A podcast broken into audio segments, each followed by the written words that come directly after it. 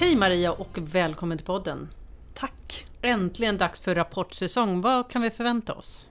Ja, men en första spaning tycker jag är att förväntningarna har ju skruvats ner ganska kraftigt inför den här rapportsäsongen till följd av att det varit en väldig oro för konjunkturen och för tillväxten. Sen är det ett normalt mönster att förväntningarna sänks men det har varit betydligt mer än eh, vanligt. Och tittar man nu Eh, till att börja med på amerikanska bolag då, på S&P 500 index så väntas bolagen där faktiskt minska vinsterna med 4% jämfört med Q1 för ett år sedan. Kollar man på svenska bolag så väntar man sig fortfarande vinsttillväxt på 8-10% ungefär. Så att det första är då att förväntningarna har sänkts. Och den andra spaningen det är ju att vid årsskiftet efter kursnedgången som vi hade i höstas då var ju aktier billiga. Men med tanke på att börsen har rusat 15-17% någonting sedan årsskiftet eh, så har värderingarna stigit ganska kraftigt så att det finns ju lite mer att bevisa nu. Absolut, Ericsson var ju först ut och där kan vi väl säga att de mycket väl bevisade var de är på väg. Ja men det var en väldigt stark rapport och det behövdes ju med tanke på att aktien har stigit 70% det senaste året. Eh, men där levererade man ju. Det var en fin rapport, den slog förväntningarna eh, på egentligen alla punkter. Eh, man hade en försäljningstillväxt på 7% Nordamerika var jättestarkt och eh, det här marginalmålet man har satt upp om 10% år 2020 det nådde man ju faktiskt redan nu även om det fick lite extra skjuts av en, en engångspost. Men ändå, det var en jättestark rapport och aktien stiger ju en 3 ungefär idag. Vad tror man om framtiden på Ericsson? Ericsson eh, är ju, eh, de målar ju upp en ljus bild av framtiden eh, med fortsatt försäljningstillväxt och att man ska kunna hålla det här marginalmålet om 10% Så att de är optimistiska. Ett annat spännande bolag är Sandvik som kommer här på skärtorsdagen. Precis, Sandvik är först ut bland de svenska verkstadsbolagen med att rapportera och eh, man kan väl säga så här att Q1 väntar sig nog alla har varit ganska tufft. Eh, därför att det går trögt i Europa, tillväxten här har ju bromsat in. Tillväxtmarknaderna har varit svajiga, mycket på grund av handelskriget mellan USA och eh, Kina. Så att jag tror att så mycket fokus kommer ju inte ligga på vad man säger om Q1 utan man ser nog det som en lite så här, eh, svag datapunkt. Eh, det man kommer titta på är snarare framåtblickande. Hur ser det ut med orderingången och vad väntar sig bolaget under nästa kvartal och under andra halvåret i år. Så att mycket framåtblickande, vad man säger, kommer man lägga stor vikt vid tror jag. För det är ju lite spännande för det här med sektorer. Är det några särskilda sektorer som du ser kommer kunna överraska oss? Jag tror att just exportsektorn, alltså verkstad, industribolagen, där blir det väldigt spännande för just de här cykliska aktierna har gått väldigt starkt eh, sedan årsskiftet. Och eh, värderingarna där har kommit upp en del så att de har ju lite grann att bevisa tror jag och just att de eh, fortfarande visar tillförsikt inför framtiden tror jag blir väldigt viktigt. Eh, sen är ju de spännande också därför att många av dem har globala verksamheter så att de har försäljning både i Europa, Nordamerika, eh, Asien, stora tillväxtregioner.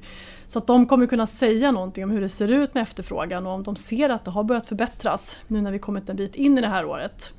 Sen är ju bankerna intressanta därför att de väger väldigt tungt i Stockholmsbörsens index. Så att de påverkar ju egentligen alla Sverigefonder, indexfonder och så vidare. Så att eh, bankerna blir spännande och vi har ju redan fått en bankrapport nu på morgonen från Handelsbanken. Och det var ju en fin rapport får man ändå säga. Eh, men jag tror att mycket fokus kommer ligga på vad man säger om bolånemarginaler. Eh, kan man upprätthålla dem på de här nivåerna som de ligger på? Tillväxten på lånesidan framöver för det är där det finns någon tillväxt att hämta. Är det några särskilda bolag som du tycker man ska hålla ögonen på? Både positivt och negativt? På, eh, i industrisektorn så är ju dels Sandvik imorgon eh, tycker jag är väldigt intressant och sen så um, Atlas Copco eh, blir spännande och den aktien har ju kommit upp ganska mycket så att de har ju lite grann att bevisa eh, skulle jag vilja säga. Sen ehm, Ericsson är också ett stort bolag som många äger via fonder om inte annat. Så att den, den, var ju, eh, den är ju alltid intressant. Sen har vi ju eh, bostadsutvecklarna på börsen. Det är inte så många som kanske har exponering mot dem men det är ju fortfarande väldigt intressant att se vad de säger om bostadsmarknaden, om nyproduktionen. Eh, för det får ju implikationer för även svensk tillväxt. Och bostadspriserna och bostadsmarknaden är någonting som berör oss alla egentligen. via, via ägandet i bostaden. Börsen hade lite tufft här i fjärde kvartalet kan vi minst sagt säga. Hur ser det ut nu i kvartal ett? Det har gått bra, eller hur? Det har varit jättestarkt och Stockholmsbörsen har stigit 17 procent ungefär. Tittar man på ett globalt aktieindex så är det upp 15 procent. Ehm, sen så ska man ju komma ihåg att vi hade ju en rejäl urblåsning på börsen under hösten. Så att ungefär strax innan årsskiftet så nådde vi botten på det. Så att den här, även om kursuppgången ser stor ut i år så är det fortfarande så att det kommer från en ganska låg nivå efter den där nedgången i höstas. Um, Vad är förklaringen till den här um, plötsliga rekylen?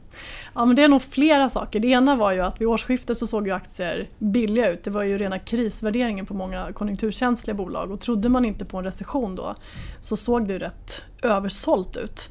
Ehm, men sen så finns det två andra viktiga faktorer också. Det ena handlar om centralbankerna för det som bland annat satte skräck i marknaden i höstas det var ju kommande räntehöjningar. Att Fed var ganska okänslig så att man var på autopilot tills man nått en nivå på 3% på styrräntan. Och där har man ju plockat bort alla räntehöjningar eh, för 2019 i prognoserna nu så att det har bidragit mycket skulle jag säga. Europeiska centralbanken har gjort samma sak, de har skjutit första räntehöjningen in i 2020. Riksbanken har inte krupit i korset än. De säger fortfarande att de ska höja i höst men vi får se hur det blir med den saken. Men så att mjukare penningpolitik och låga räntor, det är positivt för börsen. Eh, och den tredje saken då, det är ju handelsdiskussionerna mellan USA och Kina. Och från att de var mer svajiga och nyhetsflödet var ganska blandat i höstas så har det ju kontinuerligt kommit nyheter om framsteg. Och man för ju löpande diskussioner nu för att få det här i hamn. Och jag tror att Donald Trump är mer motiverad också med tanke på presidentvalskampanjerna som börjar till hösten. För han mäter gärna sin framgång i hur mycket börsen stigit. Eh, han vill inte ha någon lågkonjunktur, tillväxtoro, fallande börser eh, när han ska kandidera till nästa fyra år som president. Och det, det för oss osökt över till USA-marknaden för där har jättarna börjat att rapportera. Hur går det? Ja, men det är så här långt lite blandat får man säga. Vi har ju fått en del bankrapporter och eh, det är några som har varit bättre än väntat och några har varit sämre än väntat men det som är gemensamt är ju att intäkterna från provisioner och eh, tradingintäkter och så det minskar eh, och så kommer det nog fortsätta se ut. Sen så har vi ju fått en stor teknikjätte som rapporterat också, det är ju Netflix. Och även om rapporten eh, i sig vad gäller resultat och så var bra så talar man ju om lägre tillväxt framöver än vad marknaden hade hoppats på. Så att den var väl ändå lite av en besvikelse. Aktien backade igår i efterhanden. Hur påverkar svenska småsparares aktieinnehav av detta? Inte särskilt mycket skulle jag vilja säga. Det är inte så många svenska småsparare som äger Netflix och eh, även om man har amerikanska fonder där den här ingår så är det fortfarande en dels ganska liten del av fonden och de flesta har inte bara en USA-fond utan det är en liten del av sparandet. Så att jag skulle säga att det är väldigt marginellt. Eh, kommer det här få någon effekt på Stockholmsbörsen?